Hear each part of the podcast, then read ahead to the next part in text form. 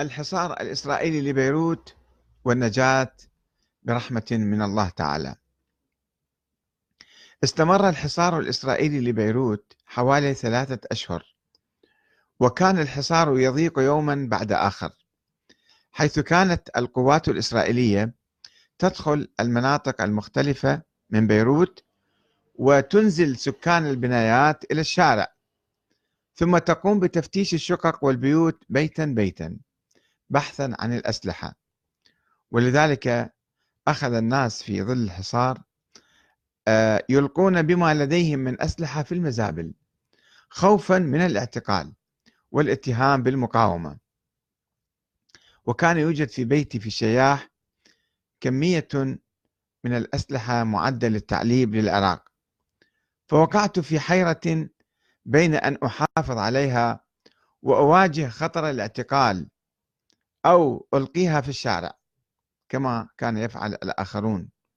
وفي هذه الحالة أكون قد فرطت بأموال التنظيم.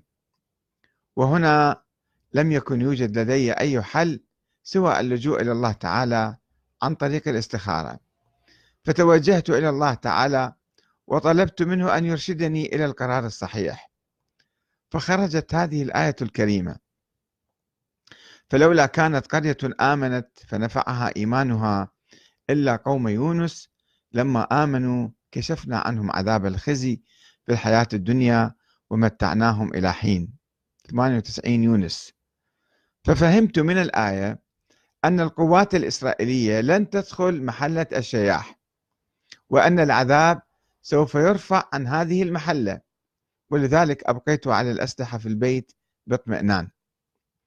بعد ذلك بأيام حاولت القوات الإسرائيلية اقتحام الشياح من طرف حارة حريك ولما دخلت في شارع الغبيري نصب لها مقاتلو حركة أمل كمينا فضربوا أول وآخر دبابة وانقضوا على الرتل بأجمعه فقتلوا منهم ما شاء الله.